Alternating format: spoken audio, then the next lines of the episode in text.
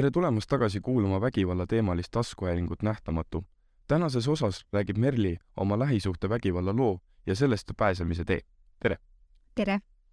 alustuseks ole hea, räägi natukene endast, et millega sa praegu tegeled?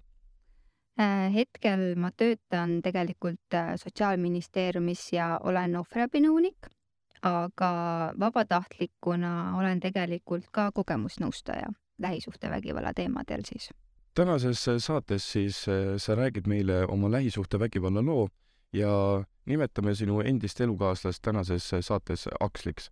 kuidas te Aksliga üldse kohtusite? me kohtusime niimoodi, et äh, ma läksin äh, uute töökohta ja tema oli siis selles mõttes minu juhendaja või mentor, et töö kaudu siis ühesõnaga saime tuttavaks. ja kuidas siis sealt alguse sai teie suhe no tegelikult esim-, esmamulje, esmamuljet tuleks tegelikult alati usaldada, esmamulje oli selline, et ta ei tundunud mulle üldse meeldiv inimene. ta tundus selline ülbe, äh, ennast täis, aga kuidagi, noh, selles mõttes, kuna ta oli mu juhendaja, siis äh, ma pidin ju temaga kokku puutuma. Ja siis, kui ma teda nii-öelda rohkem tundma õppisin, siis, siis mulle miski nagu hakkas tegelikult tema juures meeldima aga mis see oli selline esimene ohumärk või miks ta sulle ei, ei tundunud äh, tore inimene alguses, nagu sa ütlesid? noh, nagu ma ütlesin, et ta tundus selline ülbe äh, ja lisaks äh, võib-olla ta juba kohe alguses rääkis mulle päris palju selliseid asju, mis minu jaoks, ütleme, tööalaselt ei tundunud eriti eetiline. aga no uue töötajana, ega ma ei lähe ju kuskile, ma ei tea, kaebama või midagi ja sellega ta võib-olla siis äh, kohati ka testis minu piire, et kas, äh, kas mind saab usaldada. ometigi kohe äh, siis oli halb, esmamulje oli halb, aga kuidas see jõudis sinna, et te ikkagi läksite lõpuks suhtesse? teadupärast on tegelikult niimoodi, et vägivallatsejad valivad oma ohvrid välja ja eks ta nägi seda minus ka sellist kui pot-, potentsiaalset ähm, mängukanni siis et nad oskavad, nad tajuvad ära, kui sa oled ise haavatav ja tollel ajal ma olin tegelikult äh, haavatav, et äh, ma ei olnud võib-olla päris äh, õnnelik sellel ajal ja ta oskas tegelikult kuidagi ka minu usalduse võita. ja ta tegi seda näiteks niimoodi, et meil oli järsku hästi palju sarnaseid asju. näiteks minu lemmiks šokolaad on tupla siis äh, ta hakkas mulle tooma näiteks lõunaaega seda, et, et, et, et, et nagu siuksed väiksed armsad žestid ja muusikamaitse oli meil sarnane ja veel nagu väga palju asju, et, et kuidagi noh, sarnane tõmbab ikka sarnast, et äh, niimoodi vaikselt-vaikselt ta nagu tõmbas mind enda poole. ja siis äh, need žestid olid kindlasti ilusad, see võlus su südame ja kui kaua siis võttis aega sellest, et kui sa asusid uude kohta tööle ja lõpuks, kuni te olite suhtes? no tegelikult see läks üsna ruttu, ütleme mingi kuu aega umbes äkki. et äh, no tegelikult selles mõttes äh, noh, millega ta sai mind ka hästi manipuleerida, et äh, ma ise, ma olin veel suhtes, kui ma uude töökohta läksin. ja mul hakkas sealt vaikselt kõrvalsuhe arenema. ja siis noh, muidugi ma selles mõttes lõpetasin selle mingi hetk ära, aga noh, kahju oli selles mõttes tehtud äh, ja sellega ta muidugi sai ju mind ka noh, manipuleerida, et, et ma ise mingitel hetkedel, et, et ma ise olin ju ka noh, see, see paha naine on ju, et kuidas ta saab mind usaldada ja ma peangi ta usalduse välja teenima ja nii edasi. et äh, aga jah, kuskil, kuskil kuu aega läks, kuni, kuni me siis nii-öelda suhtes olime. ja mis siis olid esimesed äh, märgid, mis viitasid sellele, et Aksel võib olla vägivaldne? No tegelikult see oligi juba suht üsna kohe, ütleme kuu aja pärast, oli äh, jaanipäev ja ma olin siis äh, just oma endise elukaaslase maha jätnud ja võib-olla noh, ma ei ütleks, et see nüüd meil kohe päris suhe oli, aga me siis äh, noh, suhtlesime palju, käisime läbi. jaanipäeva ta minuga koos veeta ei tahtnud, et tal olid omad plaanid ja minul olid omad plaanid. ja noh, selles mõttes, et äh, just, just ju tegelikult kohati nagu, ma ei tea, uude eluetappi astunud jaanipäev ka ja käisin siis ka oma sõpradega pidutsemas ja talle ei meeldinud see, et tema arvates oli liiga palju mehi seltskonnas. Äh, seal olid juba esimesed märgid ja esimesed sellised äh, roputsõnad minu suunal, kui, kui libu ma olen selles mõttes. ja ma olin, ma olin nagu väga šokeeritud, et mis mõttes, et need olid ju nagu meestuttavad ja midagi nagu juhtunud ja midagi ei olnudki seal.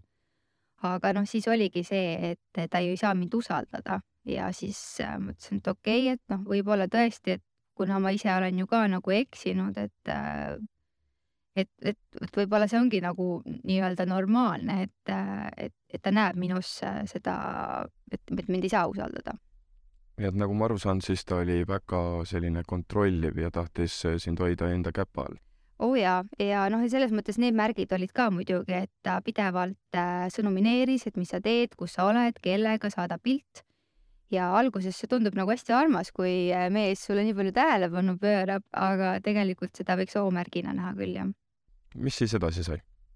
siis edasi, no selles mõttes töö juures me tegelikult varjasime oma suhet ja üleüldse noh, kui nüüd tagantjärgi mõelda, siis terve see suhe oli üsna, üsna peidetud. et hiljem selguski siis, et tegelikult tal oli naine kodus olemas. et ma olin hoopis armuke enda teadmata. aga noh, suvi oli, me käisime palju ringi, oli tore. Äh, vahepeal olid sellised äh,, kuidas ma siis ütlen noh, igasuguseid tülisid oli ja ma ei saanudki aru nagu, nagu mille pärast või nagu nii mõttetutest asjadest tuli kuidagi, et kui ma näiteks ei vastanud kohe, kus ma olen või mis ma teen, aga ta oskas ka siis kuidagi selle muuta selliseks, et tema ei muretses mu pärast, et kus ma olen. ja, ja siis ma jälle kuidagi nagu pisendasin seda enda jaoks ka, et tõesti, et teine inimene oli nagu mures, et noh, ei ole midagi hullu siis. tahtis panna hoopis sind süüdi tundma? täpselt kas vägivald ka kuidagi aja jooksul paisus, et praegu me oleme siin rääkinud vaimsest vägivallast, aga kas see läks ka edasi füüsiliseks, seksuaalseks? oo oh jaa, no tegelikult teine niisugune suurem ohumärk äh,, ma olin reissõbrannadega suve lõpus ja ta ei tahtnud, et ma sinna läheksin, sest tema arvates, et jälle, et noh, et, et seal on nagu pidu, et miks ma ja miks ma pean huuled punaseks värvima ja valget kleiti kandma ja ma ei saanud sellest aru ja tegelikult ma tollel ajal valmistusin ka poolmaratoniks. et äh, ma nagunii äh, noh, ja ma, ma ei ole tegelikult selline eriline bioloom, et äh, jooksutrennid nagu nõuavad oma aja ja siin alkoholi käi sinna juurde. ja ma ei saanud aru, et noh, mis mõttes nagu, et sõbrannadega ammu kokku lepitud reis, seal, seal jällegist, seal ei juhtu ju nagu midagi sellist, mida ta endale ette kujutas tema muidugi kujutas ette, et ma magasin seal kõikide meestega, kellega, keda, kes meil umbes tee peal ette jäi. ja ta tahtis, et ma tagasi tuleksin ja ta tahtis nii väga, et ma tagasi tuleksin, et ta, äh, noh, seda ma sain hiljem teada, et äh, ta väidetavalt tahtis ennast ära tappa ja ta sattus hullumajja. aga ma selle peale ka tagasi ei läinud ja siis ta ähvardas äh,, ma olin muidugi ise ka väga rumal ja seda ma räägin nüüd naistele ka, et palun ärge tehke seda et reisiaeg äh, me olime siis üksteisest äh, intiimseid pilte saatnud ja ta lubas need äh, töö juures meili peal laiali saata, kui ma kohe tagasi Eestisse ei tule. et see oli ka sihuke väga-väga suur ohumärk pluss see enesetapukatse ka. aga kas ta tuli ka sulle päriselt füüsiliselt kallale? ja siis ma tulingi sealt reisilt tagasi ja läkski, noh muidugi selles mõttes äh, noh, mina võtsin ka ta nii-öelda tagasi, siis ma tõesti kartsin, et ta tapab ära ennast. ja läks kuskil paar nädalat mööda, kui siis tõesti esimest korda ta tõukas mind, ta ähvardas mu kassi ära tappa, ta lõhkus äh, mul asju kodus. et see oli selline esimene kord ja aja jooksul see muidugi eskaleerus ikka kõvasti. mis neid vihahooge siis põhjustas, et kas see oligi lihtsalt armukadedusest? Pigem jah, armukadedusest ja mõnikord ta nii-öelda testis mind, et äh, kuidas äh, ma mingites olukordades käitun. näiteks äh, ta teadis, et mul on isaga kehvad suhted, et, et ta tuli nagu, ühesõnaga ütles, et ta peksis mu isa haiglasse, mille peale siis mina tahtsin minna isa haiglasse vaatama ja ta sai väga vihaseks, et ütles, et aga sul on ju isaga kehvad suhted, et kuidas sa saad minna sellise mehe juurde ja sellele järgnes siis äh, suur tüli tema poolt.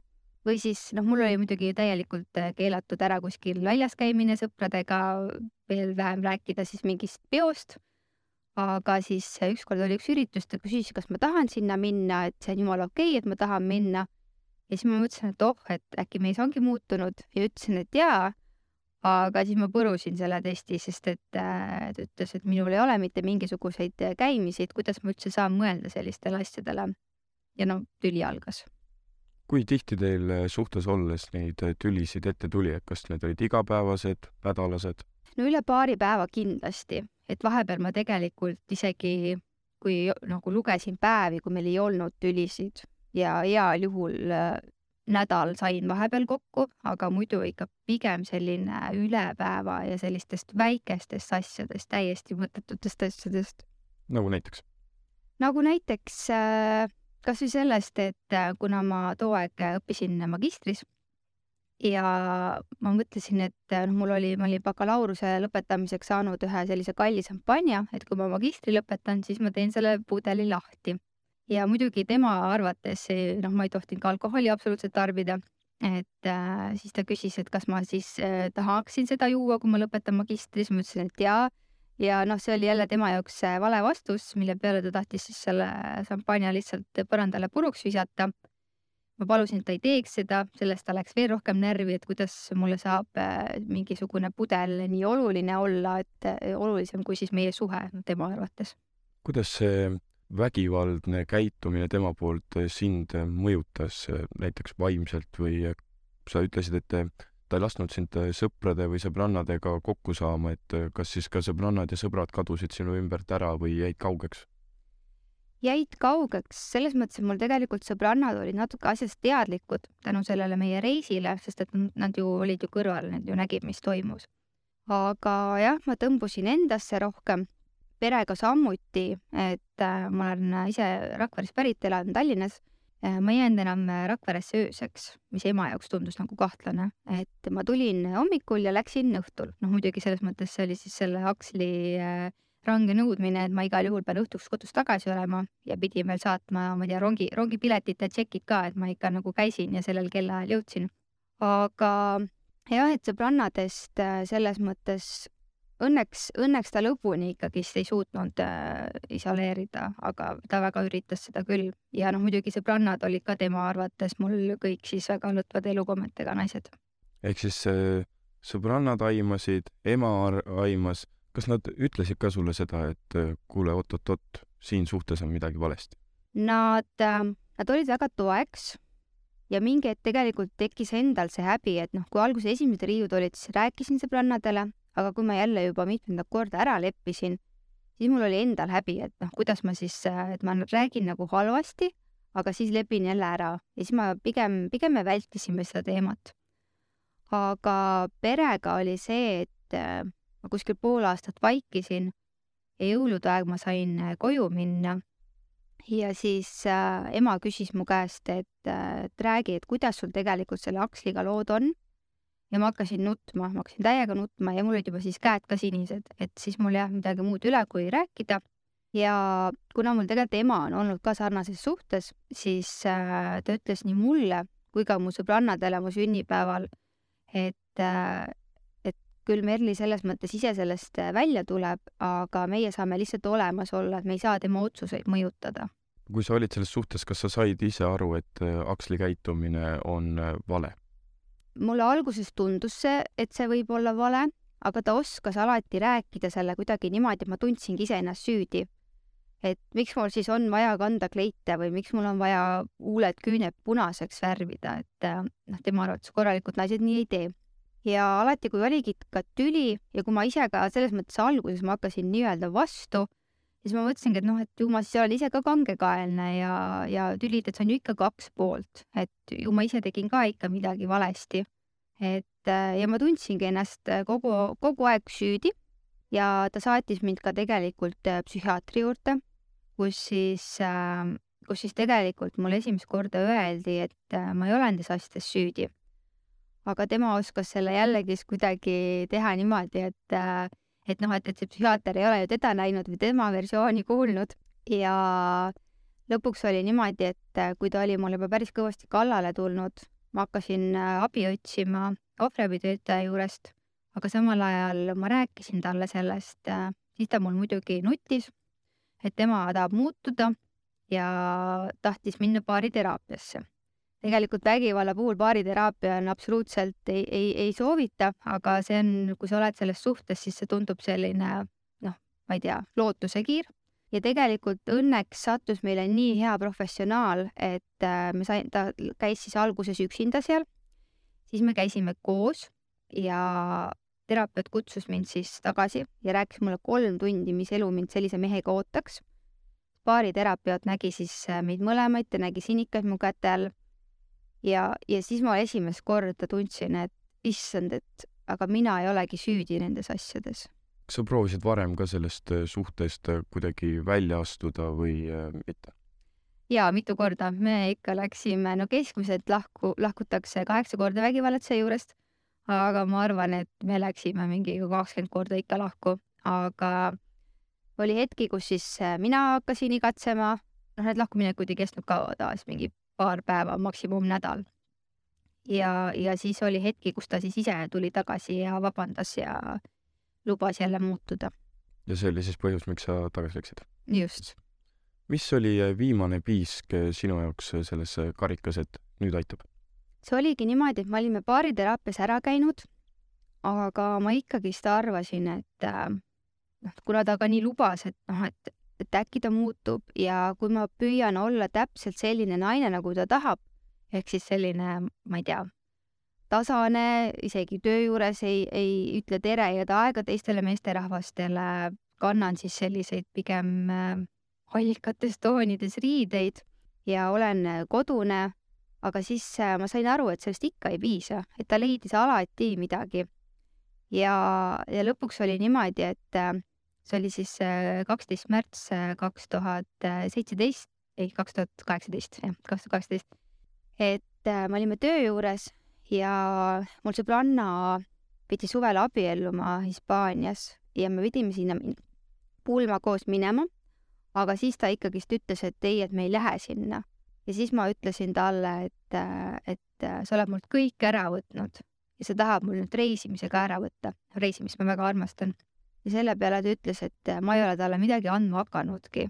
noh, selles mõttes, et see, see õhtu lõppes niimoodi töö juures, et äh, siis ma sain juba päris, päris korralikult peksa. ma pakkisin asjad kokku ja ma jooksin äh, politseijaoskonda, et see oli kuskil mul töö juures kahe kilomeetri kaugusel. ja siis, siis, siis mul saigi see karikas täis, et, et just, et ma naistele ütlen ka, et jätke endale see üks asi, mida te ei luba endalt ära võtta. ja sinu puhul oli see siis reisimine? just sa ütlesid, et äh, sa jooksid äh, politseijaoskonda äh, pärast seda. kas sa ka pildistasid näiteks oma sinikaid üles või pidasid päevikut, et millega siis pärast kinnitada seda, et sinu suhtes on kasutatud vägivalda? ja minu suureks õnneks oligi see, et kuna ma ei rääkinud väga sõbrannadele, aga ma pidasin blogi ja mul olid kõik intsidendid üles kirjutatud kuupäevaliselt, mul olid tõesti, mul olid sinikad üles pildistatud, mul olid tehtud tema ähvardusest äh, screen'id. Ja ma olin salvestanud need, no ma ei saanud arvutis midagi hoida selles mõttes, et seda ka kontrolliti ja meili. aga ma tegin endale sellise salameili, kus ma siis selle privaataknaga käisin, et ei jääks jälge histori-, arvuti historisse maha. ja saatsin kõik sinna. Ja seal oli mul ka see blogi, et äh, kui ma politseis olin ära käinud, noh, seal ka loomulikult pildistati sinikas ülesse, siis äh, ma andsin äh, kokku seitse tundi ütlusi oma blogi põhjal siis järgmisel nädalal. seitse tundi, seda, seda on päris palju. seda on väga palju ja ma mäletan, et kui me käisime mu selle päeviku siis ükshaaval läbi, siis mõtlesin, et jumal tänatud, et ma olen need asjad kirja pannud, sest et ma ei mäletaks muidu pooli asju, mis oli juhtunud et alguses võib tunduda küll, et see jääb kindlasti meelde, kuid tegelikult eh, pärast ununeb ära. just. kui sa olid nüüd politseis ütlusi andnud, kas siis, mis, kuhu sa edasi läksid, kas kuskile turvakodusse sõbrannade juurde? Äh, ma läksin koju, kusjuures kummaline on see, et ma siiamaani ei mäleta, kuidas ma tollel õhtul koju sain. aga ma läksin koju, ma saatsin ülemusele sõnumi või õigemini emaili ja saatsin ka mõned siis äh, ähvardused, mis siis Aksel oli teinud minu suunal ja õnneks äh, ta sunniti töölt lahkuma. et äh, noh, ka enamik vägivallaintsidentidest oli tegelikult töö ajal juhtunud. et ma, et ma jäin koju, et selles mõttes, tal keelati mulle läheneda, muidugi ta üritas mind telefoni teel kätte saada, aga jah, ma olin kodus ja siis noh, mingi hetk ma lihtsalt sõitsingi Rakveresse ema juurde pikemaks ajaks ära. Kas naabrid ka kuidagi reageerisid sellele, et teil kodus toimus vägivalda, sest noh, kui on mingid suured tülid, siis seda peaks ikkagi olema läbi seinte kuulda või? ei reageerinud ja seda ma hämmastan kohati siiamaani, et seinad on nii õhukesed, ma kuulen isegi naabrimehe köhimist. ja see, mis kodus mul toimus, see ei saanud jääda selles mõttes äh, märkamata. Et jah, me, me küll ei elanud koos selles mõttes, see oli nagu, nagu õnneks, aga noh, tagantjärgi teades, et kui tal oli naine seal oma kodus, siis, siis ta ei saanudki noh, alati kui ta pidi ööseks mu juurde jääma, siis me läksime tülli ja ta pidi ära minema, et noh, nüüd tagantjärgi ma saan aru, miks. Aga mul üks äh, naabritüdruk, äh, kellega me hiljem suhtlema hakkasime, siis tema on tagantjärgi öelnud, et ta on, ta nagu midagi kuulis, ta ei olnud mul kõrvalnaaber, vaid siis nagu diagonaalis, et mingeid mütse vahepeal ja ta veel oli elukaaslasega rääkinud, et huvitav, et mis seal nagu toimub. aga siis noh, elukaaslane oli öelnud, et noh, kuule ära mõtle üle, onju, et, et tegelikult jah, et ikka on kuulda, aga eks inimesed võib-olla ka ei taha nagu sekkuda et siit ka üleskutse, et peaksime rohkem märkama seda, mis meie ümber toimub. just. kuidas vägivald kõik lõpuks lahenes? Minu jaoks lahenes see siis äh, lõpuks pool aastat hiljem, uurimine, kriminaalmenetlus kestis nii kaua. Äh, ta sai karistuse, äh, teda küll vangis, vangi, vangi pandud, aga mm, kaks ja pool aastat tingimisi. ma sain kolmeks aastaks lähenemiskeelu mis siis tollel ajal oli väga haruldane, et isegi uurija imestas, et, et, et see mulle, et ma, et see kohaldati. ja selles mõttes ta nagu kadus ära pildilt ja kui ma tegelikult äh, olin piisavalt teraapias teinud, käinud, siis ma tundsin, et ma tahan ka teisi aidata oma looga ja ma kuskil poolteist aastat hiljem hakkasin siis oma blogi sissekandeid avaldama ja see läks nii suureks, et, äh, et noh, neid neid ohvreid on nagu nii palju ja inimesed samastusid minuga. meedia pööras sellele tähelepanu ja, ja pärast seda, noh, tema isik ju tuli ka välja ja ta on täielikult, ta kadus sotsiaalmeediast ja igalt poolt ära, et ja ma arvangi, et tegelikult vägivald, mitte ei arva, vaid ma tean, et vägivallatsejad kardavadki kõige rohkem avalikustamist, et nad on koduseinte vahel väga julged, aga kui keegi nende tegudest päriselt teada saab mis, mis on ka tõestatud, siis on nad väga suured argpüksid. kas Aksel on äh, hiljem proovinud äh, sinuga kuidagi ka kontakti luua äh,? Uurimise aeg küll ja ta helistas, äh, noh muidugi ma blokeerisin tema numbrid kõik ära, aga ta helistas oma sõprade numbritelt, saatis sõnumeid, et saame kokku, räägime, lahendame selle asja omavahel ära, aga ma igno-, ignoreerisin. aga pärast seda kohtuotsust ei, ei ole, ei ole üritanud mida sa soovitaksid äh, või soovid öelda nendele naistele kui ka tegelikult äh, meestele, kes äh, kannatavad lähisuhtevägivalla all? Soovitan rääkida kellegagi, et isegi kui on häbi, siis kindlasti ikkagist rääkida, soovitan koguda tõendeid, isegi siis, kui te vahepeal ära lepite, siis saada kas või sõbrannale, et hästi tihti naised parematel aegadel, neil on tõendid. Eriti näiteks noh, vigastuste kohta, siis nad kustutavad need pildid ära või panevad mingid asjad, kirjutavad ülesse, kustutavad ära ja loodavad, et kõik on jälle hästi. Aga see vägivallamuster, see jääb korduma ja siis oleks väga hea, kui sul mõni sõbranna või pereliige on teadlik ja on olemas ka siis tõendid selle kohta. aitäh saatesse tulemast ja oma lugu jagamast, Merli. see oli väga isiklik teema ja loodetavasti on sellest sinu räägitud loost kasu ka paljudele teistele, kes on sarnases situatsioonis. aitäh! aitäh sulle!